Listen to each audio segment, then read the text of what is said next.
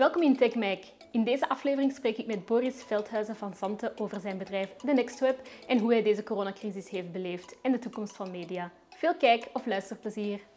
Dag Boris, bedankt om mij welkom te heten in The Next Web Welkom. Amsterdam. Ja, The Next Web is een beetje anders allemaal. hè. Het event is ook dit jaar niet kunnen doorgaan. Ja, alles is anders. Ja. De hele wereld is anders. Ja. Hoe heb jij dat ervaren op persoonlijk vlak eigenlijk?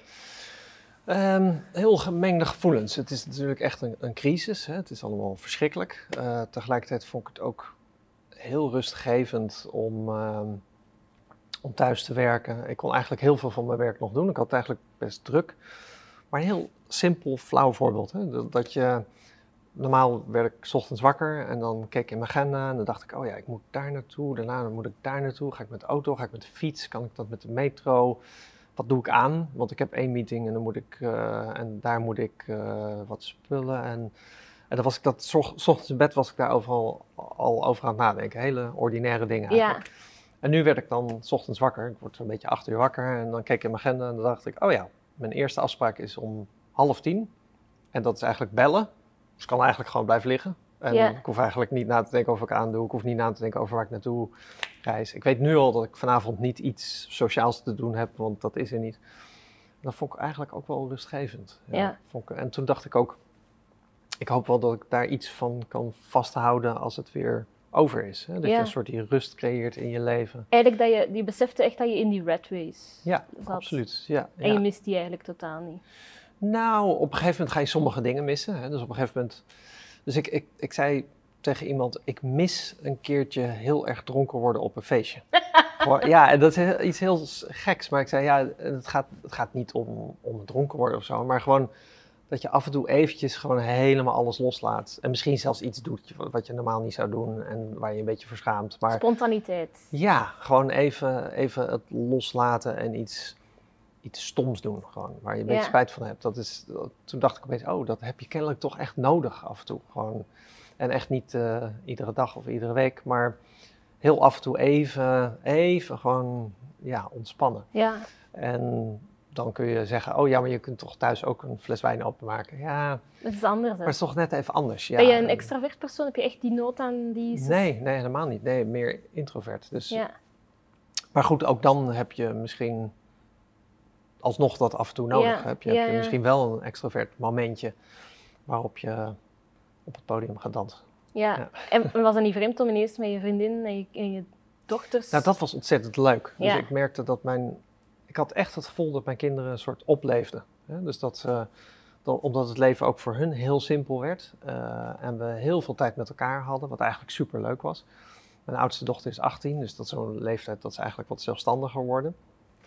En ik merkte aan haar dat ze, dat ze het, op een gegeven moment zei ze ook, dat ze eh, het eigenlijk wel een soort makkelijk vond om niet even met al de vrienden af te spreken. Om gewoon even ja. helemaal tot rust te komen thuis. Je zou bijna denken van dat we op mentaal vlak, eh, dat we zo'n crisis, dat dat misschien op mentaal vlak ergens ook wel een goede zaak Ja. heeft bijgebracht. Ja, nou, ik denk, ik merk zoveel mensen die ik spreek, die zeggen, ja, ik ben toch wel een beetje aan het nadenken over wat ik nu wil en hoe ik het in de toekomst ga doen, of misschien wat anders ga doen. Zoveel mensen die daarover nadenken. En jij? Jij ook? Nou, het is niet zo dat ik een andere baan wil of zo, maar het viel me wel op. hè. Het Ja. viel me wel op dat ik dacht, ja, ik heb, eh, als ik hier, hiervoor, hè, eh, had ik toch heel veel avonden, had ik dingen. Hè? En, en vaak leuke dingen ook. Hè? Afspreken met die vriend, eh, met die vriendin naar de bioscoop. oh, een leuk eventje. En, ehm, en Kan. Kan, ja, precies. Het kan Lions Festival. eh. en nu dacht ik, ja, ja, ik doe eigenlijk al die dingen altijd. ehm, eh, misschien doe je dat soort dingen ietsje te makkelijk of zo. Hè? Dat Ja. je denkt, oh, dat hoort er nou eenmaal bij. En dat ik dacht, wel, dit is ook wel heel fijn om iets meer rustmomenten te hebben. Dus misschien dat ik iets kritischer Ja. daarop word. Hè? Heb Dus, je, heb je ook nagedacht over, of ontdekt dat je bepaalde waarden belangrijker of misschien minder belangrijk vond in het leven? Ehm, ja, ik denk die rustmomenten vinden. Dus ik heb, eh, er is een plekje hier in de buurt met een meer waar ik vaak naartoe ga. Eh, en nu merkte ik eigenlijk nog meer hoe fijn het is om daar, Ja. daar te zijn. Je hebt een eigen eiland gekocht daar. Zo zou je het kunnen zeggen. Ja, ja. maar inderdaad, ja, er zijn daar stukjes Ja. grond en er is water omheen, dus het is een eilandje. Ja, ja. Eiland Ja. 100. Eiland 100, ja. En nu ga je daar vaak naartoe om te herbronnen. Ja, eigenlijk wel. Ja. Ja. En ik, eh, eh, zelfs ook veel werk doe ik daar vandaan. Dus Toch? het is, Ja? ja. ja, want op een gegeven moment merkte ik ook, het is eigenlijk heel fijn om hier te zitten met uitzicht op het water. En ja, als ik, me, als ik moet bellen met mensen, ja, die merken toch niet waar ik ben. Hè? Dus Ja. terwijl, De wifi is goed. er is geen wifi, nee, er is zelfs geen elektriciteit. Nee, het is heel simpel. Ja. Ja. Er is geen stromend water ook, dus het is gewoon alleen maar eh, Hotspot. een soort weiland met eh, water eromheen. Maar goed, dat is tegenwoordig zo goed. Ja. Dat, eh, ik heb niet één keer dat ik dacht, oh, de verbinding is een beetje traag. Dat heb ik, nog nooit gehad. Het is gewoon super snel. Omdat je op je gsm zat dan. Ja, Ja. ja. en dat is gewoon zo snel. Ehm, en natuurlijk ook heel veel van mijn werk is eh, e-mail, een beetje Ja. browsen, een beetje eh, Slack, eh, chatten Ja. met mensen en bellen. Dus dan, ja, ik denk als je video moet editen en uploaden, ja, dan is het misschien, wil je misschien liever thuis zitten. Maar, maar ehm, voor de rest werkt eigenlijk alles prima. En je gaat daar straks ook naartoe, zei je voor dit interview. ja. Wat ga je daar doen? Ook werken in het weekend of blijf je Ehm, van de laptop weg dan? Nou, ik heb een, eh, twee boeien gekocht. Je weet wat een boei is? Ja? Ja. Zo'n drijvend ding met een ketting. En die moet ik neerleggen. En dat is heel leuk werk, want dan moet je met beton en eh, met kettingen. En, eh, maar het, het is onder water allemaal, dus ik heb gereedschap dat je onder water dingen kan doen en zo. Amai. Dus dat is, eh, vind ik wel heel grappig om te doen. Ik vind snorkelen heel erg leuk. Jij bent een watersporter. Ja, vind ik wel. Ja. Ja. Ja, Dus dat vind ik dan super grappig, dat ik dan mijn, eh, mijn snorkel en mijn spullen en mijn gereedschap, en dan spring ik in het water en dan moet ik eh, die boeien vervangen. En dan, ja. Ja, je, bent, je hebt wel zo'n speciale, een speciaal gevoel voor humor, hè? Oh ja? Ja, ik merk dat toch. Ehm, en, en ja, het is ook mooi om te zien hoe positief dat je blijft, want je hebt uiteindelijk met de Next Web, je zag wel een deel van je, een groot deel van je inkomsten wegvallen met het event dat wegviel. Ja. Ja, dus het is, het is niet zo dat het event niet doorgaat, maar dat, hè, we hadden eh 20.000 bezoekers bij elkaar, eh, de helft uit het buitenland. Eh 65 verschillende landen komen mensen naar Nederland voor zo'n conferentie. En dat is nu allemaal naar digitaal. en we doen dat heel goed, hè, dus we krijgen heel veel. ja, mensen zijn tevreden met de dingen die we online doen. Maar het is wel heel anders dan, dan offline elkaar ontmoeten. Hè? Dus eh, hoe goed eh, Zoom of een Hangout of een videoconference tool ook werkt, het is toch niet hetzelfde als even in dezelfde ruimte zitten. Ja, Dus we, mensen denken, eh, nou, een conferentie, dat is met sprekers, dus dan laat je die sprekers gewoon Digitaal, online. ja. En dan, ja. Maar we hebben heel veel bezoekers aan de conferentie die zien niet één spreker. En dus die komen juist om elkaar te ontmoeten. En dat is al een stuk moeilijker online na te bootsen. Hè? Dus het, het in de rij staan voor koffie of een biertje. En dan degene achter je leren kennen. Kruisbestuiving. ja, ja dus serendipiteit. Hè? Ja. Dus eh, het, het soort toevallige ontmoetingen die eigenlijk niet heel toevallig zijn. Wat een grappige schoenen heb je aan. Oh ja, ja, die heb ik daar en daar gekocht. Oh, oké, wat doe je eigenlijk? Weet je wel zo. Ja, Ja, hoe, hoe, dat is heel moeilijk natuurlijk om na te bootsen. Hè? Dus we, we kunnen een call plannen, maar ja, dat is al zo anders. het is echt anders. Ja, bij ons, ik heb toch heel veel gemerkt met zo die calls en Zoom en ben je er, ben je er? Ja, maar ik hoor je niet, wacht. En dan, ja, je bent aan het babbelen, maar je microfoon staat af. Die dingen, heel veel frictie eigenlijk nog. Hè? Ja. En het is bijna verbazingwekkend dat in de anno 2020 dat dat, Ja. dat, dat nog steeds zo, zo moeilijk verloopt. Eh, Ja. Toch in België. Ik weet niet hoe dat, dat in Nederland is verlopen. Nee, maar het is over de hele wereld. Ja. Dus eh, ik sprak een bedrijf uit eh, Amerika en die zei: alle relaties ehm, hebben er last van. En niet alleen liefdesrelaties, ju- juist eigenlijk al je zakelijke relaties. Een deel van de context valt ook weg. Ja, dus het voorbeeld wat hij gaf was: je hebt in een relatie altijd haarscheurtjes. Hè, je hebt, eh, jij zegt iets en dan denk ik, oh, en het is niet eens dat ik dan meteen boos ben, maar dan denk ik gewoon, oh, je zei iets, wat bedoelde je daar eigenlijk mee? En als we bij elkaar zijn eh, en aan het einde van de meeting lach ik even naar je, dan is dat alweer oké. Ja, dus, en nu, ehm, stel je voor, jij zegt iets waar ik een beetje denk van, oh, dat vond ik eigenlijk een beetje eh, heftig of zo. Als ik dan tegen jou zeg, kunnen we even een Zoom-call hebben, want jij zei iets wat ik een beetje heftig vond, dan maak je het meteen heel heftig. ja? Terwijl als ik jou vijf minuten later tegenkom en ik zeg, wat zei je nou tegen me? Ja, ja, ja. En, en je zei, huh, wat? En je zegt van, ja, maar je zei eh, dit. En- ah, ik bedoelde zegt- het niet zo. Ja, en ja. je, oh nee, nou, dat bedoel ik helemaal niet. Oh, oké. En dan is het alweer over. Hè? ja. En soms heb je die woorden niet eens nodig. Soms is het gewoon even goede meeting. Ja. Of, of, eh, of één knipoog. Of, Ja. of een glimlach. Weet je wel, gewoon... Het is verbazingwekkend hoe, ondanks dat we in een, een hoogtechnologische wereld wonen, dat we toch nog echt dat leven, dat we echt nog die nood hebben aan dat, de menselijkheid. Dat is toch wel een Ja, heel... eh, Ja, nou, dat, eh, ja de, de social lubricant noemen ze dat. Hè? Dus ja. het, het, en daar, daar zit, dat, ik denk inderdaad dat je nu merkt hoe belangrijk dat is. Hè? Hoe, hoe belangrijk ehm, hè, hoe, hoe wij zitten. Hè? Eh, hoe je je handen houdt. Of je, of, of, je, of, of je vingers een klein beetje trillen, waardoor ik merk van, oh, oh je bent een beetje nerveus. Ja. Weet je, al die kleine dingetjes, die vallen eigenlijk allemaal weg. En die heb je echt nodig. Hè? Als je, en als je dat niet nodig hebt, dan gaat het op een gegeven moment een beetje schuren. Dus er zijn heel veel bedrijven die, die echt last daarvan hebben. hè. Die merken dat de spanningen lopen een beetje op. De samenwerkingen gaan wat moeilijker. Eh, dat is echt een omslag. Zou je zeggen dat er koppen gerold zijn bij, bij de Next Step? Zou zeggen dat, je er, dat er dingen gebroken zijn of dingen waar je denkt van niet dat eens is toch... zo erg. Ja. Nee, nee, niet eens zo erg. Maar ik merk wel dat sommige discussies dat die eh, langer doorgaan of heftiger worden. En dan, dan zie ik een, een discussie soort ontaarden in een ja, bijna meningsverschil. En dan zie ik dat en dan denk ik, dit was nooit gebeurd als we in dezelfde ruimte hadden gezeten. Ja. Dat was nooit gebeurd. Maar het is de combinatie van eh, mensen typen iets ergens en dan reageert iemand anders en dan iedereen projecteert een beetje wat die. Hè, je, je, je- als iemand iets schrijft, dan stel jij je erbij voor hoe Ja. iemand. Wat Het is jouw zijn- interpretatie. ja, hè? Ja. of iemand "Ah, zo schrijft of "Ah, zo schrijft. Ja, dat, je hebt geen idee, want je ziet alleen maar de tekst. Weet je wat het ergste van allemaal is? Als je op Slack een bericht stuurt of op, op Messenger en je zegt van... hey, ik heb net dat gezegd. Ik heb de indruk dat je dat niet leuk vond. Was dat zo? En je ziet dat die beginnen te typen en dan stoppen. En dan wacht je en zegt je van... Maar alleen... Oh, God, ja. ja. dat is toch de horror? Dat, dat is voor mij echt Ja. de horror. Je Daar word ik echt Ja. helemaal fired up van. Ja, Ja.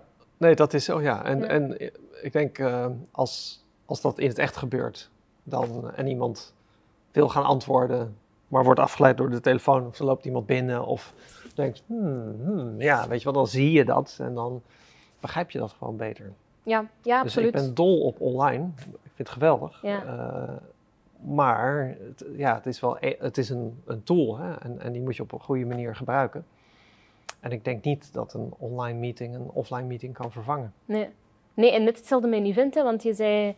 eh, het is ook op, opvallend, want met de, voor de Next Web, de ticketprijs is rond de vijf, kan je rond 500 euro. Daar kan je wel... Allee, dat is een eerlijke prijs. Maar Ja. voor een offline event... Als je Een daar, online event. een online event, sorry. Ja. Een online event is, het, eh, is 50 euro eigenlijk al veel. Ja, ja, dat is zo, ja. En, dat je snap je ook. Ja, hè? Dus dat, uiteindelijk is een online event, en wij, wij doen hele goede, hè? ze zijn interactief en, en dus, eh, dus eh, we besteden veel aandacht aan om het zoveel mogelijk te doen lijken op een, op een offline event. Maar goed, het is toch niet hetzelfde. En het is moeilijk om die waarde te benaderen. Dus om, om te zeggen, het is een tweedaags event en je kunt rondlopen en er zijn allemaal zalen en dat terugbrengen naar nou ja, je kunt online meekijken. Ja, dat, is toch een, dat heeft toch een andere waarde. Ja, en, en ook, ja, het moet, ook niet ergens een beetje pijn. Ja, je bent begonnen met de Next Step. Het- De, de, voordat de nieuwsite er was, was het event er. En nu is dat eigenlijk weg. Heb je het gevoel dat je zo niet trouw kan blijven aan, aan je roots? Of... Nee, dat niet. Nee, nee ik denk, eh, kijk, als bedrijf, eh, wij hebben verschillende crises meegemaakt. En ik denk, iedere crisis is ook altijd een opportunity, is ook een kans. Hè? Ehm, en ik weet nog dat de eerste crisis, economische crisis die we meemaakten, was er ehm, 2008 zeker. Ja, 2008. En toen spraken we een van onze grootste sponsoren. En toen zeiden we, hoe gaat het? En ze zeiden, ja, het gaat echt heel slecht. Het wordt echt een hele heftige crisis. En toen zeiden we, "En gaan jullie nog dingen sponsoren? En toen zeiden ze, nee, nee we kunnen echt niks eh, sponsoren. En ze zeiden, ja, behalve twee hoge kwaliteit dingen, dat andere en jullie. En dat was echt een moment dat wij dachten, oh, Oh my god. Gelukkig, want Ja. ja. ja, dat was belangrijk. Maar het was ook eh, heel fijn omdat we ehm, eigenlijk toen bestonden we denk ik twee of drie jaar. Dat we altijd hadden geïnvesteerd in kwaliteit. We dachten als we gewoon goede dingen leveren, dan, dan komt het wel goed. En dat was een soort bevestiging van die strategie. Hè? Dat we dachten, oh gelukkig. Hè, dus eh, kwaliteit leveren duurt langer en is duurder en moeilijker. Maar uiteindelijk betaalt het zich wel terug. En ik, ja, mijn, mijn hoop is toch dat dat in deze crisis ook zo is. Hè? Dus dat iedereen die. Nou, niet iedereen natuurlijk, maar, maar goed, hè, dat, dat eh, het scheidt het kaf van het koren. Hè, Ja. zeggen we. Ehm, dus dat, dat de sterke partijen overleven. En, Survival ja. of the fittest bijna. Ja, en, en dus, fittest is, wordt vaak uitgelegd als de sterkste, maar de, de originele quote hè, is eh, fittest and most adaptable to change. Ja. Dus hè, wie kan zich het snelst aanpassen aan de veranderende wereld? Dat zijn de partijen die overleven. Niet de rijkste of de sterkste, maar de, de meest flexibele. Dat is de originele. En, en heb je het dan over inderdaad een, een online event in plaats van een offline event? Van alles, ja. Of zijn er nog Dus, eh, zaken? ruimte, hè. wij verhuren Ja. ook eh, eh, ruimtes aan, aan, aan start-ups. En toen dit begon waren er natuurlijk heel veel start-ups die, ja, die gingen slecht mee, die werden minder. Maar eigenlijk doen wij het met deze ruimte heel goed, omdat we flexibele ruimte aanbieden. Dus er zijn ook hele grote partijen, die worden iets kleiner. Ja, En die zoeken een flexibele oplossing en dat zijn wij. stabiele inkomstenbron eigenlijk. En dit, dit is voor ons dus een hele stabiele. Ja, Ja. Om, omdat eh, dit groeit zelfs. Omdat dit precies is waar mensen behoefte aan hebben als er crisis is. En dat was altijd al het Flexibiliteit. geval. Ja. Ja, Dus dat is zo'n voorbeeld waarvan je dan merkt, oh ja, er is een crisis. Maar sommige dingen gaan eigenlijk wel beter. oké. En de conferentie gaat best, eh, ja, dat is best een uitdaging. Maar daar zijn we heel snel veranderd naar eh, online. En nu zijn er allemaal andere partijen die weten, ja, wij moeten ook iets online doen. En we kunnen het zelf wel uitvinden, maar de NextWeb doet het al. Dus laten we met hun gaan praten. Dus wij doen nu een aantal online events Dat voor andere partijen. Ja, Niet in samenwerken, wij, wij doen dat gewoon voor hun en zij betalen ons. Ja, wauw. Dus ja, dat is ook een samenwerking. Maar, maar goed, het is ook een, eh, een revenue eh, Ja. model. Dus wij bieden eigenlijk een soort white label online conferenties aan andere partijen. En dat is de flexibiliteit waar ik het over heb. Dus dat hebben we eigenlijk binnen een maand gingen we van, hey, we gaan online. Oké, laten we zorgen dat we de allerbeste zijn in de industrie. En binnen een maand was de eerste klant die zei, hey, kunnen jullie, dit, hey, jullie doen dat zo goed, kun je dat voor mij ook doen? Toen zei ja, dat is goed, dit is eh, wat het gaat kosten. Ja, En dus ik denk dat hè, de, de, inderdaad de, survival of the fittest. Het is niet zo dat onze conferentie is de grootste, dus wij overleven. Nee, wij zijn het snelst, hebben ons aangepast aan een Ja. nieuwe wereld. En zijn we nieuwe businessmodellen gaan uitvinden en die hebben we ook gevonden. Eh, media is hetzelfde. Hè? Dus eh, kijk, mensen zitten thuis, hebben meer tijd om te lezen. Dus eh, ja, onze site wordt eigenlijk meer gelezen dan, dan hiervoor. Ehm, mensen kunnen minder naar offline events, dus die moeten iets meer gaan adverteren. Dus dat gaat, eigenlijk ook best goed. Dus er zijn altijd dus, iemand die, ik weet niet eens of het waar is, maar er is zo'n verhaal dat het, ik geloof het Chinees karakter voor crisis bestaat uit twee symbolen. ja, Ja, gevaar en kans. ja. Eh, ja, opportunity en... eh, ik heb er ook iets van gehoord. ja. En ik weet niet eens of het waar is, maar het is, het is eigenlijk wel mooi om op die manier over crisis na te denken. Ja. Dus een crisis is altijd gevaar en kans. En voor sommige mensen is het alleen maar gevaar en dat is verschrikkelijk. Maar voor heel veel mensen is het ook gewoon het opnieuw nadenken over alles wat je doet. Opnieuw kijken waar de modellen zijn en, en daar dan op, op voortgaan. hè. Ja, het Dus, is zowel een persoonlijke als een professionele transformatie. Hè? Ja, of Ja. dat kan het zijn in ieder geval, ja, Ja. als je daarvoor open staat. Bijna alle succesvolle internetbedrijven zijn begonnen in een crisis. Ja. Dus die, het is juist als er een crisis is, nou, dan kun je mensen huren. Eh, er is weinig concurrentie. Eh, iedereen heeft tijd om eh, naar nieuwe dingen te kijken. Dus uit de, uit de chaos ontstaan ook eigenlijk hele mooie dingen. Ja, ja, ja. Ja, absoluut. Het is, want ik, ik was ook aan het denken, jullie zijn anderhalf jaar geleden, heeft, een, heeft de Financial Times een meerderheidsparticipatie in jullie genomen. Ehm, heeft dat ook niet geholpen als eh, buffer? Ehm, ja, dat is, het is heel fijn om een sterke eh, partner te hebben. Eh, en wat daar misschien, het, de cultuur daar is misschien nog wel belangrijker. Dus de Financial Times is een heel oud bedrijf, bestaan sinds 1888. Zijn zelf overgenomen door eh, Nikkei, een Japans bedrijf. Dus die beide partijen hebben echt een hele lange termijn visie. Natuurlijk, korte termijn is belangrijk, maar je, je voelt dat hun filosofie is er eentje van de lange termijn. Dus ook toen deze crisis uh, begon, en dit is natuurlijk de eerste crisis die we samen meemaken, zijn we meteen met hun gepraat. Dus van, hé, hey, wij voorspellen dat dit uh, ja, wel Dat was in 2008 dan? Of bedoel je deze crisis? Ja, deze crisis, ja. ja. dus uh, eigenlijk nog voor, ja, wij zagen op een gegeven moment wel, signalen van, hé, hey, volgens mij wordt dit toch heftiger dan we denken. Hoe gaan we ermee om? En toen zeiden ze, ja, wij denken dat ook. Um, maar het belangrijkste is geen paniek. We zitten erin voor de lange termijn. Crisis is ook kans. Dus we gaan heel rustig eigenlijk dit in. Uh, niet meteen beginnen met mensen ontslaan, dat soort dingen. Gewoon, gewoon uh, krachtig blijven en zorgen dat we dit overleven en door kunnen. Ja, er is iemand die kende en die heeft een profielfoto. Um, niet panikeren, meer organiseren. Dat was eigenlijk ook jullie motto. Eigenlijk wel, ja. ja. ja.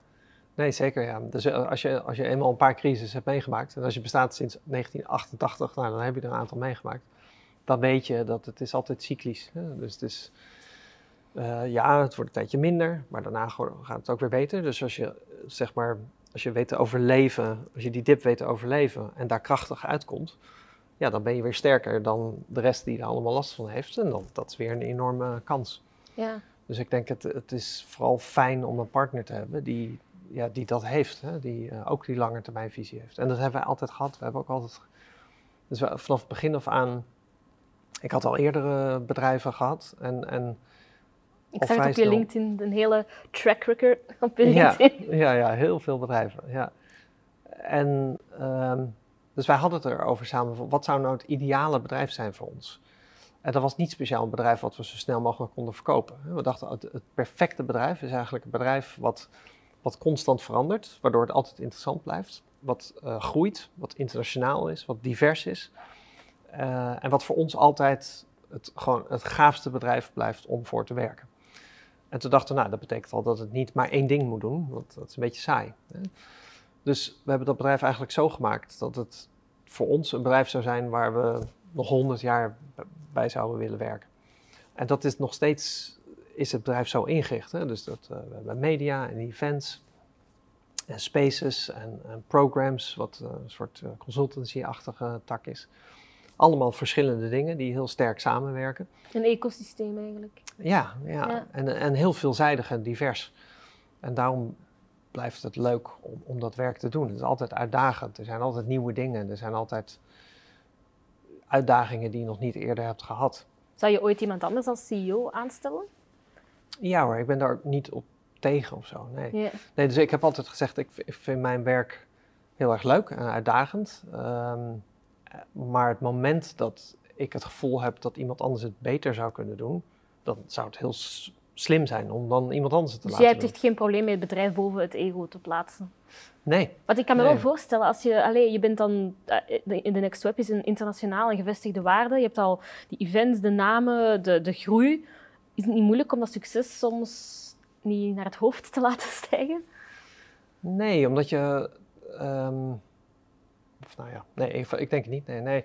Kijk, er werken volgens mij iets van 130 mensen bij, bij het bedrijf. En uiteindelijk uh, doe je als uh, management, uh, ja, ik wil niet zeggen dat het heel weinig is, maar, maar laten we zeggen, je doet weinig, weinig concreet, zou je kunnen zeggen. dus en dit geldt over het algemeen over manager. Hè? Dus als je manager bent en je hebt een meeting, en aan het eind van de meeting heb jij niet, niet iets te doen, staat niks op je to-do-list, dan heb je het eigenlijk goed gedaan.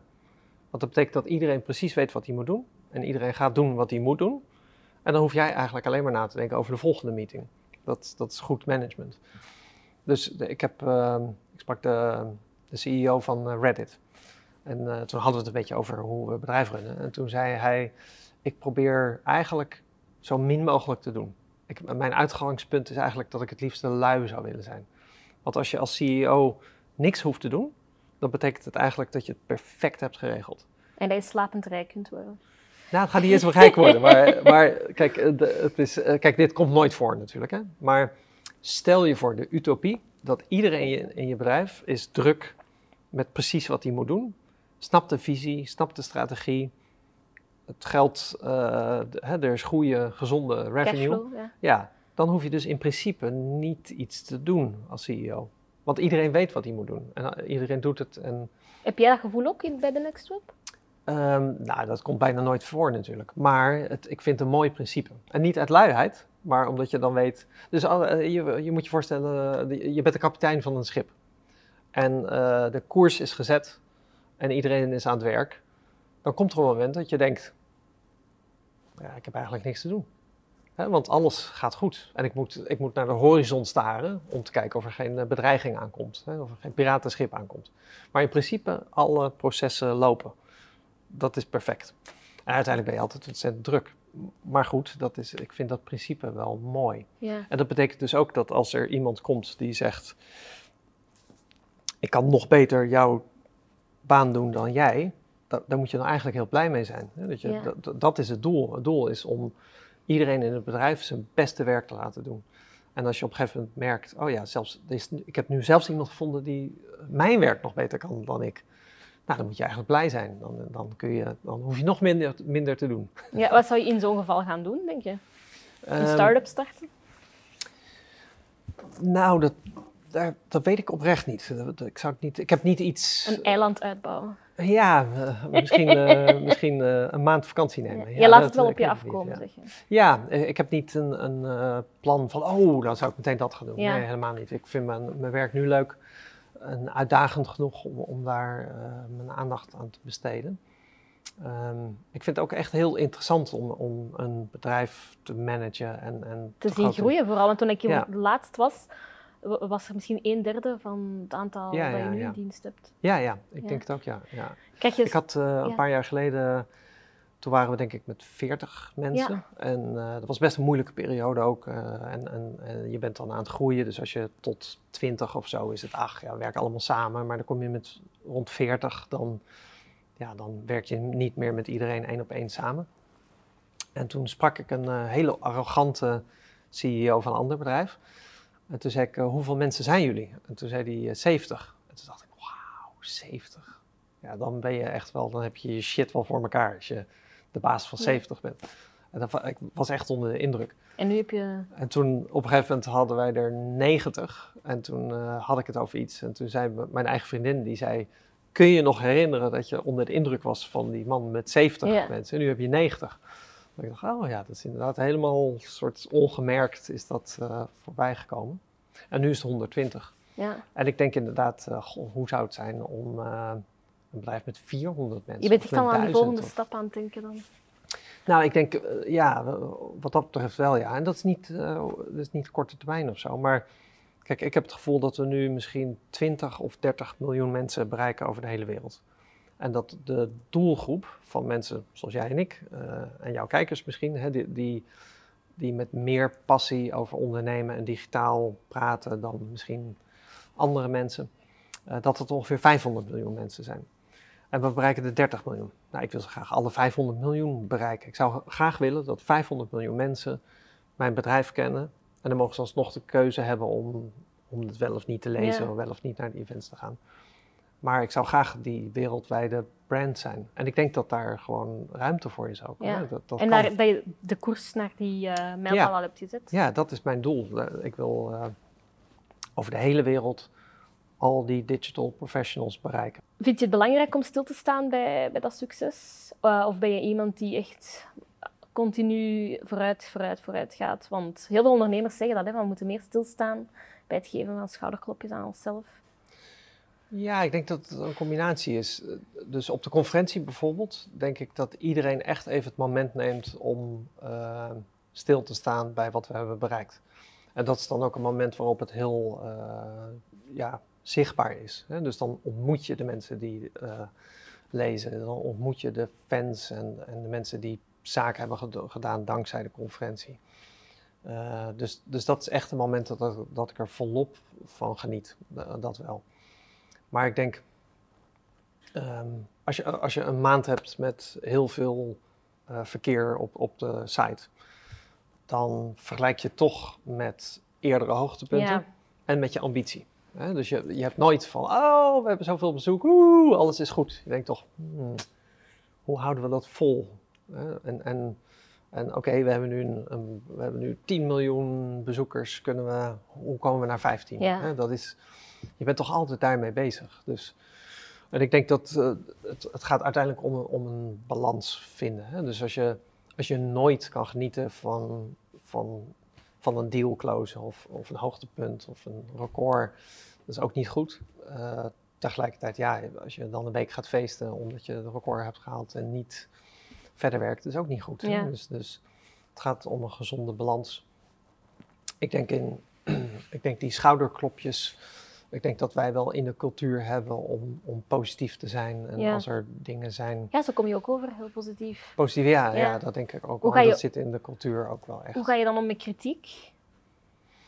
Ehm, dus het grappige is dat een van de verwijten is, is niet dat mensen te weinig schouderklopjes krijgen, maar dat er te weinig ruimte is voor kritiek in ons bedrijf. Dus wij zijn over het algemeen te optimistisch, te vrolijk. En dus als er iets misgaat, dan is iedereen een beetje onwennig, zo van, oh ja, dat ging eigenlijk niet goed, maar we zijn Let's moeilijk in het... it. Ja. Soort van, ja. eh sugarcoating is eh, een term die wel eens valt. Dus daar, eh, ja, dat is, daar ben ik me dan van bewust. Ik weet, ik weet dat. En ik merk ook dat dat zo niet in, in mijn systeem zit. Dat, Je houdt ook niet van confrontatie dan. Nee, ik hou niet van confrontatie en ik ben echt heel erg gericht op, op positief. En eh, dus ik, ik heb eigenlijk eh, groot vertrouwen in dat de mensen met wie ik werk, dat die echt er alles aan doen om dingen te bereiken. En eh, als ze het dan niet bereiken, dan denk ik, ja, ik weet echt dat ze er alles aan hebben gedaan. Hè? Dus, Ja. dus als je het dan niet bereikt, ja, kan ik er toch niet boos over zijn of zo. Ik denk, ja, het is, kijk, als je hebt zitten slapen en zitten slekken en, en je best niet hebt gedaan, ja, dat is heel erg. Ja. Maar goed, die mensen werken niet voor ons. Eh, dat heb, heb ik dan in mijn hoofd. Hè? Dus Onlangs zag ik wel de kritiek op LinkedIn dat iemand zei bij jou van dat de line-up niet divers genoeg was. ja, ja. Hoe ga je ja. daar dan mee om? Ben je iemand die dat dan in vraag gaat stellen of denken van we hebben er alles aan gedaan om die line-up zo divers mogelijk te maken? Nou, dus kijk, als ik, een, als ik zoiets zie, dan ga ik, dan is het heel logisch om dat even te onderzoeken. Hè? Te zeggen van, goh, hoe zit dat? En in dat geval bijvoorbeeld eh, merk ik, dan heb ik met dat team gesproken en dan merk ik, oh, hier is echt alles aan gedaan om zo divers mogelijk te zijn. En dan plaats ik het in, ehm, hè, dus dan zeg ik, goh, wat, wat, ehm, wat is eigenlijk het doel? Hè? Dus is het, eh, en man-vrouw is dat super simpel, want dan zeggen nou, 50-50 is ongeveer. Maar met eh, diversity op, op race is dat alweer moeilijker. Hè? Dus dan zeg je van ja, doe je een afspiegeling van de wereld, of afspiegeling van het land waarin je bent, of een afspiegeling van het publiek. En dan praat ik met het team erover en die zeggen dan, nou ja, dit is het doel. Hè? Dus de industrie zit hier, wij zitten hier. Eigenlijk zou het hier moeten zijn, maar vroeger zaten we hier, dus we, hè, we zijn Ja. wel op weg naar iets goeds. En dan zeg, denk ik, oh, nou ja, oké, dus als het, hè, als het eh, verwijt is, op dit moment zijn jullie niet divers genoeg, dan denk ik... Het is een opportuniteit om het beter te doen. Ja, dat is wel zo, maar, maar we lopen voor op de industrie. En, eh, en het groeipad is hier naartoe, dus we zijn echt wel op weg. Dus kan ik dan heel goed verdedigen. Ja. Dus dat, ehm, Wat maakt jou echt verdrietig of kwaad? nou, als, het, als, als een discussie ehm, zeg maar niet op een rationeel, maar op emotie gaat. En ik merk dat mensen niet met, eh, met rationele argumenten meer te overtuigen zijn. En dan vind ik het frustrerend, hè? want dan merk ik Maar het is toch ook een people business? Ja, ja, dus daar, daar moet je vaak rekening mee houden. Maar goed, ik ben, ik ben heel logisch. Hè? Dus, Ja. eh, ik ben logisch en geduldig, dus ik praat graag en ik leg graag uit. En dan zeg ik, kijk, Ja. 1, 1 plus 1 is 2. Dus, en als iemand dan zo boos is dat ze zeggen, ja, maar dat maakt niet uit, 1 plus 2, wat 3. en dan denk ik, ja, oké, ja, ja, dan, kan ik gewoon, dan kom ik gewoon niet verder. Hè? Want dan denk ik, ik ben bereid om mijn emotie even opzij te zetten om dit gewoon rationeel te bespreken. Maar het is, ja, ik kan- niet praten met iemand die gewoon alleen maar boos is. Hè? Dan, dan kom ik niet verder. Dus dat vind ik moeilijke momenten. Ja. En ik begrijp dat. Hè? Ik begrijp ook soms dat mensen, als ze boos of gefrustreerd zijn, ja, dan moet je daar gewoon even ruimte voor geven. En maar dan, dan, dat zijn de momenten dat ik echt eh, ja, dat ik het moeilijk vind. Dat ik, dat ik mezelf daaraan moet herinneren, zeg maar. Ja, ja, ja. ja. ja en, hoe ben jij als... Ik weet nu dat je optimistisch bent en misschien soms confrontatie-avers. Hoe ben jij nog als CEO of, uh, of leider? Um, ik denk dat ik heel menselijk ben. Ja. Dus dat ik uh, in, eigenlijk in, in alle aspecten goed en slecht heel menselijk. Dus, ja. dus een, een, simpel voorbeeld is, um, ik had een paar jaar geleden, lang geleden, was er een manager en die zei, um, nou, neem je alleen maar je vrienden aan, want je gaat zo positief om met iedereen. En toen zei ik, nou nee, natuurlijk niet, maar ik heb, ben wel vrienden met veel van de mensen die ik heb aangenomen. En toen zei hij, ja dat is niet goed. Kijk, je bent gewoon manager en in je, in je vrije tijd heb je vrienden, maar je employees moet je gewoon behandelen als employees. En voor vriendschappen moet je ergens anders. Uh. En toen dacht ik, ja, ik begrijp dat, maar ik vind dat ook echt verschrikkelijk. dus ik, ik vind het juist ontzettend leuk dat er vriendschappen vormen onder employees, dat mensen met hun persoonlijke problemen naar mij toe komen. Uh, maar wat als je dan een, een, negatieve boodschap of slecht nieuws moet brengen? Dan is dat moeilijker. Ja. Uh, en er is altijd het gevaar dat je de mensen die je heel aardig vindt misschien beter behandelt dan een ander.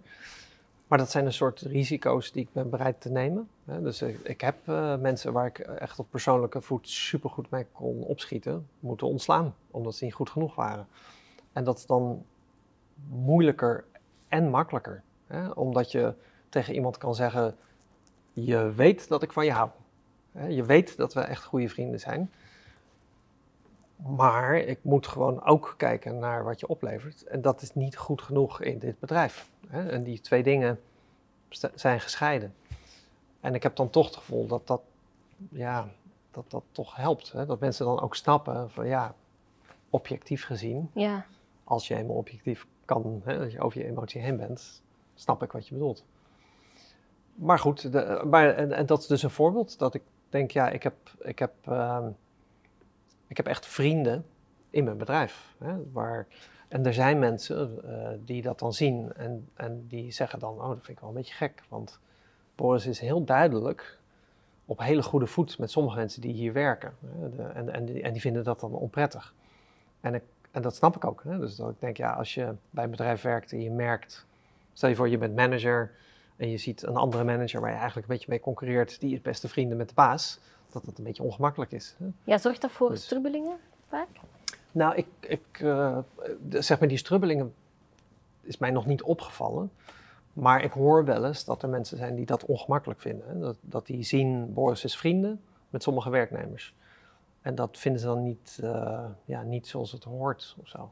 En, en is dat veranderd of in welke richting is dat geëvolueerd nu dat iedereen binnen van zijn eigen... Nou, in die zin, ik denk dat toen we 25 mensen waren, was gewoon iedereen vrienden. We gingen samen drinken, samen uh, uit en, en uh, belden elkaar in het weekend. En, en, en als je bedrijf dan groter wordt, ik, kan, ik ben niet vrienden met 120 mensen. Ja, dat kan gewoon niet. Hè. Dus er zijn sommige mensen die ik... Uh... Als ik kijk naar jouw netwerk, dan zou ik denken dat het misschien wel kan. Ja, ja. nou ik was dus gisteren was ik, hadden we een soort picknick met het hele bedrijf. En toen stond ik te praten met iemand en die noemde zijn naam. En toen zei ik, wij kennen elkaar niet toch? En zei hij, nee, ik werk nog maar drie maanden hier. Ja. En toen aan de ene kant dacht ik, nou, dat is wel al drie maanden. Ja, ja. dus, dus, eh, en dat was natuurlijk vroeger. Uh, kijk, toen er 25 mensen waren en de 26 kwam erbij, kende ik die vanaf de eerste dag en bij naam. En, en uh, gingen we waarschijnlijk die avond samen wat drinken. Hè? En nu zijn er dus mensen die al drie maanden bij ons werken. En is, is dat niet er, ergens erg? Voelt dat niet heel... Nou, het is, uh, ik vind het ook leuk omdat je heel veel uitbesteedt dan. Je, ja, dus het is ook, eh, op een bepaalde manier is het ook hoe het hoort. Ja. Dus het is, ja, het is niet, ik kan niet zelf iedereen nog aannemen. Ja. En, uh, Vind je, ja. Heb je dat gevoel dat je daarvoor een stukje controle verliest over je bedrijf? Of nee, is dat je echt zoveel vertrouwen schenkt aan de mensen? Ja, Ik, vind het, ik zie het meer positief. Ja. Dus, dus er was op een gegeven moment was er uh, een project, ik weet niet eens meer wat, er was een project. En toen zei iemand, oh, we hebben dit project, uh, een maand geleden zijn we begonnen en nu hebben we succes behaald. En toen dacht ik, ik wist niet eens dat we dat project deden. En dan is er even één moment van een soort trots waarvan ik denk, nou, Ik weet niet eens dat we dat doen. Maar meteen daarna denk ik, dat is echt geweldig. Want dat betekent dat het bedrijf zo goed werkt, dat er dus onafhankelijk van, van wat ik denk of vind of, of weet, dingen gebeuren die ook nog eens goed gaan. Nou, dat is echt het mooiste wat je kan In, overkomen. Be- in België is zoiets een unicum hoor. Dat is Ja? echt waar. Daar wil, ze, daar wil de CEO toch. Ja, dat stukje, zij zien dat echt als controleverlies. Ik Ja. weet zeker dat er ook wel andere allee, er uitzonderingen zullen zijn, maar het is Ja. voor mij toch merkwaardig en inspirerend om te horen. Ik denk ook dat dat, eh, misschien zijn er in Nederland ook wel bedrijven hoor, waar, waar dit niet normaal is. Ik weet niet eens of het een Nederlands iets is. Maar, maar ik denk, eh, ehm, ik weet nog dat de, de, eh, Google had op een gegeven moment een kantoorgebouw, een heel gebouw gekocht in New York. En toen, ik geloof na een jaar, kwamen de founders van Google daar voor het eerst kijken. En toen dacht ik ook van, oh ja, dat is eigenlijk ook mooi. Hè? Dus dat je dat je op een gegeven moment kantoren opent waar je als founders nog nooit bent geweest. Hè? Omdat het gewoon inmiddels zo groot is dat je denkt, ja. Zie jij jezelf daar ook naartoe groeien? Ja, dus ik, ik, ik weet nog dat we op een gegeven moment eh, hadden we een conferentie eh, in Amsterdam, maar ook in Sao Paulo en in New York en eh, nou, op een aantal plekken over de hele wereld. En toen vertelde ik, toen had ik met mijn aandeelhouders een meeting en toen zei ik, ehm, toen zei zij, eh, ga je naartoe naar New York? Toen zei ik, ja, ja, natuurlijk, want ik open het en ik interview iedereen. En, eh, en toen zei ik, maar om eerlijk te zijn, ik, ik zie er naar uit dat er een keer een conferentie is waar ik niet naartoe ga. En aan de ene kant natuurlijk zie ik er niet naar uit, want ik vind het super leuk om naartoe te Mhm. gaan. Maar ik zei, maar het zou ook mooi zijn als ik weet, nou, deze maand zijn er acht conferenties. En ja, ik kan niet naar iedere conferentie, want we hebben er gewoon te veel. Dat, dat vind ik ook mooi. Dat, dat je, dat je, het is ook een teken van succes als je niet meer iedere klant kent en niet ieder contract hebt gelezen. En niet iedereen in je bedrijf persoonlijk hebt ontmoet eh, en niet naar iedere conferentie kan, omdat het gewoon groeit. Dus het is al een paar jaar dat ik, eh, ik, ik lees ja, misschien drie of vijf artikelen per dag van onze eigen site. Maar soms komt er een dag dat ik niet één artikel heb gelezen, omdat ik het gewoon te druk heb. Maar er was natuurlijk ooit de tijd dat ik ieder artikel zelfs schreef. Dus Ja. dan- ik wist van alles wat er op site stond, wist ik. Je kan je bedrijf echt eigenlijk bijna van de zijlijn ook mee zien groeien. Ja, ja en dat is mooi. Ja. Dus eh, ja, Is er, wat je heel vaak hoor je van, van ondernemers, ehm, onderne- de meeste ondernemers en leiders, die zijn gevormd door hun gro- grootste tegenslagen. Is dat bij jou... zeg dat nog eens. Ja, dat heel veel ondernemers worden gevormd door hun grootste tegenslagen. Of hun grootste moeilijke momenten. Ja, ik Is dat iets wat jij eh, ook kan zeggen? Ik denk dat dat ook een balans moet zijn. Hè? Dus dat, eh, ik, ik leer ook gewoon heel veel van, eh, van, van luisteren naar mensen in meetings. Dus eh, eh, zeg maar, ik vind een eh, meeting. Ik vind eigenlijk heel fijn als ik in een meeting zit en ik heb de hele meeting niet iets hoeven zeggen. Het kan een hele nuttige meeting zijn, hè? omdat ik gewoon heb zitten luisteren en het probleem probeer te begrijpen. En, en, maar ook merk dat ehm, voordat ik iets kan zeggen, eigenlijk iemand anders al wat zegt, dat ik dan denk, oh wat goed dat zij het zeggen, want dat dacht ik ook. En dan, dan kan het dus een meeting zijn waarbij het eindigt dat ik denk, oh ik heb echt veel geleerd, maar ik heb niks hoeven zeggen. Dus dan dat is heel, En is er dan toch niet zo een, een, een tegenslag die je mee kan ook in je persoonlijke leven zijn, dat je een tegenslag had en dat je echt moeite had om dat buiten je professionele sfeer te houden? als tegenslag. Ja, omdat het zo heftig was, de impact. Ehm, dus ik, ik denk dat een bedrijfsmanager is net zoiets als een eh, kind opvoeden. Of, Ja. of al- als ieder ander project eigenlijk. Hè. Dus, dus iedere tegenslag in je eigen leven kan inspirerend zijn en kun je weer toepassen op je bedrijf. En omgekeerd. Hè. Ja. Dus, dus hoe je een bedrijf managt, eh, kun je weer gebruiken over hoe je je kinderen managt. Hè. Dat- dus Is er dan nooit zo'n kantelmoment geweest dat je zegt van oké, dit moment in mijn leven heeft ervoor gezorgd dat ik... Ik voel ja dat de confrontatie aan het vermijden. Iets dat je hebt... eh, ja. Dus ik had op een gegeven moment ehm, pijn aan mijn rug. Maar dat was zo erg dat de dok- dokter eh, dacht van ja, misschien is het wel echt een verschrikkelijke kanker in je botten of zoiets. Weet Ja. je wel? Dus eh, moest ik dat allemaal onderzoeken. En was al lang geleden? ik denk vier jaar geleden Ja. of zo. Ja. En toen uiteindelijk kwamen ze erachter, het is een soort spier, iets met spieren, wat irriteert. En de enige manier om daar overheen te komen is drie maanden lang een soort revalideren. En dan moest ik, moest ik twee keer per week, moest ik een volle dag naar Rotterdam. En dan moest ik eh, dus therapie en een soort fysiotherapie en ehm, nog een onderdeel. Oh ja, theorie. Dus dan zat je met een groepje een soort over hoe spieren werken en zo. En dan was, moest je veel mediteren. En, en, en wat ik daar moest leren eigenlijk was om ehm, zeg maar, altijd als ik spanning heb, dan span ik mijn spieren. Heel logisch. Ja. ja. En wat ik moest leren is dat eigenlijk omdraaien. Dus dat als ik spanning heb, dat ik dan juist mijn spieren ontspan. Want als ik, dat, als ik die spieren span, dan gaat mijn rug pijn doen. Ja. Heel simpel. Maar dat duurt heel lang om je spieren te trainen. Om, maar je hebt dat wel gedaan, dat traject. Dat heb ik al gedaan, ja. Maar toen merkte ik ook dat ik uh, door dat hele proces eigenlijk ook beter werd in mijn werk. En, en ik zei zelfs aan het einde tegen hen, ik denk dat ik zelfs een, een betere vader ben geworden. Wauw. Ja. En omdat ik dus merkte, een van de dingen die ik toen leerde was dat, uh, dat ik stiekem eigenlijk best een soort perfectionist ben. Waar ik altijd een hekel aan heb gehad. Dus ik heb altijd gezegd, ja, perfectionist heb ik zo'n hekel aan. Maar uiteindelijk heb ik toch een soort idee van mijn ideale verloop van een meeting. Of, dus ik heb verwachtingen, zeg maar. En als dingen niet voldoen aan die verwachtingen, dan vind ik dat frustrerend. En, dat, uh, en niet heel openlijk, maar gewoon eigenlijk toch stiekem ja. wel. Ja, ja. En toen merkte ik ook dat, uh, dat soms, uh, dan erger ik me aan iets wat die kinderen doen. En dan heb ik nu dus geleerd, erger ik me aan omdat wat zij doen niet goed is? Of erger ik me eraan omdat ik een bepaalde verwachting had van wat ik wilde wat ze wilden doen en dat ze dat niet doen. En moet ik eigenlijk, is de, ligt de frustratie bij mij of bij hun? Ja. En dat is dan, dan vaak merk ik, uh, er is eigenlijk niks aan de hand. Je durft jezelf wel echt in vraag te stellen. Dat is wel mooi om te zien. Ik vind nu dus heel interessant vaak. Hè? Dus dat ik dan... Uh, en, en soms is het irritatie, maar soms is het gewoon verrassing. Hè? Dus dan, er is iets uh, en dan merk ik... hé, eh, hey, dit is, gaat anders dan ik had verwacht. En dan denk ik, oh ja, kennelijk had ik bepaalde verwachting. En is die verwachting terecht? Hè? Kun je, uh, of, of heb ik me gewoon iets ingebeeld wat eigenlijk dus niet nodig is? expectations management is jouw grootste stokpaardje eigenlijk? Het is in ieder geval een belangrijke, ja. ja. ja. Dus dat is, uh, en, en dan merk je dus... Dus mensen zeggen altijd, ja, uh, uitbesteden, hè? dus delegeren. Dat is moeilijk voor een manager. En dit is daar een belangrijk component van. Hè? Dus als je, mensen denken, oh ja, dus er is een klus en die laat ik dan iemand anders doen. Maar dat is niet delegeren.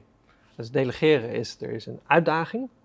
En zonder zelf na te denken over wat de oplossing zou zijn, zoek je iemand waarvan je weet dat die daar beter is dan jij.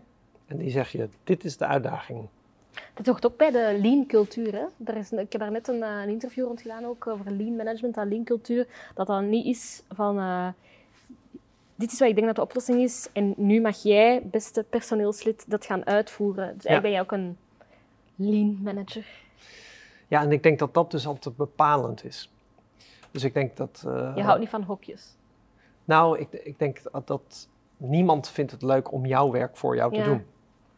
En als, je, als jij denkt, dit moet het resultaat zijn en jij mag het doen, dan gaat het mis.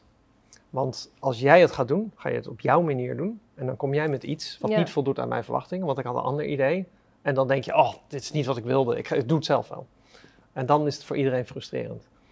Terwijl goed delegeren is meer dat, dat ik tegen jou zeg, dit is de uitdaging. Wat denk jij? Ja. En dan kom jij met een oplossing. En zo challenge je mensen opnieuw ook, hè? Ja, en dan maak je gebruik van iemands talent. En dan is het niet dat ik zeg, dat is het probleem, dit is de oplossing, kun jij de oplossing doen? Dat is niet delegeren. Mhm. Of tenminste, dat is heel goedkoop delegeren. Dat is, dat is niet goed delegeren, denk ik. Goed delegeren is dat, dat er een uitdaging is, dat ik zeg, jij bent hier het beste in. Kun je me eh, over een week laten weten hoe je dit hebt opgelost? En dan kom jij terug met iets waarvan ik denk, wauw, oké, dat had ik zelf nooit kunnen bedenken. En dan is het goed. Hè? Dan, is het, dan voldoet het ook niet aan mijn verwachtingen, maar op een positieve manier. En ik denk dat in het begin hebben managers vaak moeite met delegeren, omdat ze denken, ja, andere mensen doen het toch nooit zo goed als ik het zelf zou doen. Maar dat is niet waar. Andere mensen doen het anders dan hoe jij het zelf zou doen. Ja. Als ze het echt slecht doen, dan heb je de verkeerde mensen. Maar dat is vaak de, de, de En wat wordt dan de graadmeter van slecht? Nou, dat is dus interessant om over na te denken. Hè? Dus dat, dat ik denk vaak in het begin, denk je, dit is slecht. Maar wat je eigenlijk voelt, is, het is gewoon niet hoe ik het had gedaan. En, en, en dat is moeilijk om overheen te stappen. Maar op een gegeven moment wordt dat positief. Dus ik kan me nog heel goed herinneren dat ik, uh, ik moest een presentatie maken voor, de, voor een conferentie. En ik zag daar een beetje tegenop, want het was moeilijk. En toen zei ik tegen onze designer, zei ik, mag ik even met je sparren? Want ik moet een presentatie maken. En toen vertelde ik hem wat ik wilde. En toen zei hij, ja, ik snap wat je wil. Maar ik heb het vandaag heel druk. Dus ik denk dat ik dat pas morgen kan doen. En toen wilde ik hem eigenlijk soort in de reden vallen en zeggen: Nee, nee, nee, ik ga het zelf doen. Ik wilde alleen je feedback. Maar toen dacht ik opeens: Oh, oh hij gaat het doen. Oh, dat is eigenlijk helemaal te gek.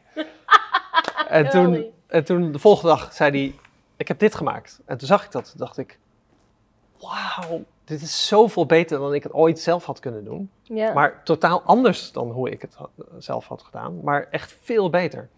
En dat was zo'n moment dat ik dacht, dit is delegeren. Hè? Dus dat je mensen die beter zijn dan jij iets laat doen. En dan komen ze met iets wat je totaal niet had verwacht. En waarvan je eigenlijk, als je eerlijk naar kijkt, ja. moet ja, je toegeven. Hebt, je hebt echt wel veel bewondering voor je, voor je team. Dat is mooi om te... Ja, maar dat, dat, dat is dus dat is het grappige. Hè? Dus delegeren klinkt als... Jij bent heel slim en creatief en intelligent. En dan heb je een beetje een soort dom personeel. En die laat je dat dan allemaal doen. Ja, voor alle duidelijkheid, dat was niet waar ik op... Uh... Nee, nee. Maar dat is wel hoe mensen denken van, oh ja, delegeren. Dat is als, als een soort generaal je domme soldaten ja. opdrachten geven. Heel hiërarchisch ook, hè? Ja, maar dat is... Dus ik denk, een goed bestuur is het tegenovergestelde van dat.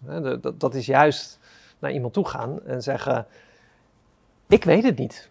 Ik heb jou aangenomen omdat je slim en intelligent en creatief bent... En dit is het probleem wat op mij afkomt, maar ik heb jou aangenomen om dit op te lossen. Een goede CEO weet niet alles. Ja, en dan, dan ga je opzij, ga je uit de weg en dan zeg je, do your best work. En dan laat je je verrassen eigenlijk door wat ze doen. Maar volgens mij lijkt het mij dan ook heel moeilijk dan wanneer dat een van, wat je, voor dit interview zei van, het gebeurt wel vaker dat iemand weggaat en er is wel wat verloop. Hoe ga je daar dan mee om? En vind je het dan niet moeilijk om dat dan persoonlijk... Uh... Eigenlijk met hetzelfde uitgangspunt. Dus als je, kijk, net zoals ik niet het erg zou vinden als, als, uh, als iemand, als, als, als mijn managementteam nu zou, naar mij toe zou komen en zeggen: Wij hebben een CEO gevonden, kan morgen beginnen, is echt twee keer zo goed als jij. Dan zou ik denken: Nou, wat geweldig voor ons allemaal dat we die hebben kunnen vinden. En zo moet je eigenlijk ook kijken naar verloop. Hè? Dus als iemand weggaat, betekent eigenlijk dat je kans hebt om een nieuw iemand te vinden die nog beter is dan degene die weggaat. En natuurlijk mis je dan wat ervaring en maar ik, ik, probeer het altijd als een opportunity. En dat vertel ik aan alle managers. Dan zeg ik: iemand die weggaat is een opportunity om iemand te zoeken die nog beter is. Dat, is, dat zou het uitgangspunt moeten zijn. Ja. En je moet dus eigenlijk. Dus wij hebben een uh, HR, hè, heeft, een, heeft een soort talent database van allemaal mensen die we goed vinden. Waarvan we weten als er ooit eens iemand weggaat, dan, dan kijken we daarin wie we allemaal weten, die zijn goed, die zitten bij die bedrijven. En dan jullie die actief benaderen. Ja, ja. afsnoepen. Ja, ja, een beetje wel. Ja, ja, Soms hoort dat erbij, hè? Ja, dat hoort er ook bij. En, en, en, maar dat gebeurt ook bij ons natuurlijk. Hè. Dus ook bij ons wat, wordt talent weggehaald. En ook dat is, ja, het is soms natuurlijk heel pijnlijk en, en jammer en, en, en, en, en, en, emotioneel. Hè? Omdat je denkt, jeetje, jammer, je was trouw aan mij en nu ben je niet meer trouw aan mij. En, en... Maar goed, ik, ik vind het principe, als je daar overheen kan stappen en het principe dat je dus ik, ik probeer dan tegen mensen te zeggen: bedankt voor wat je het bedrijf hebt gegeven. je hebt vier jaar hier heb je een positieve bijdrage gehad. Oké, je gaat nu weg, maar op zijn minst kan ik je bedanken voor die vier jaar die je ons hebt gegeven. En, en, en nu ga ik dan op zoek naar iemand die me misschien nog meer kan geven dan jij. Hè? Dat, dat zou het principe moeten zijn. Dat is soms moeilijk, hè? want het is ook emotioneel en uh, je hebt een persoonlijke relatie, maar ik denk dat dat als bedrijf, ja, als je bang bent dat mensen weggaan, uh, gaan, ja, dat is uh, gewoon een hele negatieve emotie. En, en Angst is een slechte raadgever ook. Dat denk ik, ja, ja. En ik denk als je het kan omdraaien in. Hè, dus stel je voor dat je in een situatie zit dat je zegt: Oké, ik heb schrijvers. Ik heb tien schrijvers, ze zijn allemaal supergoed. Maar ik heb nog een database hier met twintig jonge, ambitieuze, nog betere schrijvers die klaar zijn om die vermoeide tien schrijvers die ik heb te vervangen. En het moment dat een van mijn schrijvers zegt: ik ga weg. Dat je denkt, oh te gek. Kan ik een van die, de backup daar neerzetten. Die is jong, fris, die begint eraan. Dankjewel voor wat je tot nu toe hebt gedaan. Nieuwe erin. Ja. Dat zou perfect zijn. Hè? Dat dan, Het is wel geweten dat positieve mensen dat ze lang leven. Hè? Ja, Ben je bang om oud te worden? om oud te worden. Ja. Nee, ik ben nooit bang geweest om oud te worden. Nee. Ja, en heb je dan niet toch één angst? Zoals de meest positieve mensen, die moeten toch eh, een, een angst hebben of iets waar je voelt van, Een angst. daar heb ik toch schrik voor. Ehm, ik denk mijn angst zou zijn om, om erachter te komen dat, dat je niet een nuttige bijdrage hebt geleverd. Dat denk ik. Ja. Dus je hebt als je. Kijk, het gevaar van. Als je die kapitein bent hè, en alles werkt. En je drinkt een kopje thee je staart naar de horizon en je denkt: alles werkt, ik hoef niks meer te doen. Dan is er ook altijd een, een, iets in je achterhoofd dat je denkt: had ik überhaupt wel iets moeten doen? ja, Had het ook gekund zonder mij? dat is perfectionisme weer. Ja, misschien. Ja, en een soort onzekerheid dat je denkt, ja, misschien kunnen ze dit allemaal ook wel zonder mij. Hè? En, en stel je voor dat je overboord valt en het vaart gewoon door en het blijkt eigenlijk dat je helemaal niet nodig was. Dat zou natuurlijk frustrerend zijn dan. Leef je op een manier waar je denkt van, het kan elke dag gedaan zijn, dus ik moet hier echt het beste van maken? Ja, dat sowieso. Ja. Ja. ja. Zo ben ik ook wel opgevoed. Ja. Vertel. Ehm, ja, ik denk wel dat mijn ouders dat altijd hebben meegegeven. Ik had een eh, vriendje toen ik 16 was. Ja. En die, eh, die was heel strikt in, ja, als je jong bent, is het gewoon allemaal zuur, maar dat is een soort investering in later. En dan later ga je meer plezier hebben. En je hebt ook mensen die zeggen, ja, je werkt je hele leven en dat is dan hot, maar dan ga je met pensioen en dan wordt het leuk. En die jongen van 16, die, eh, die ging dood op zijn 16e, dus hij kreeg een ongeluk.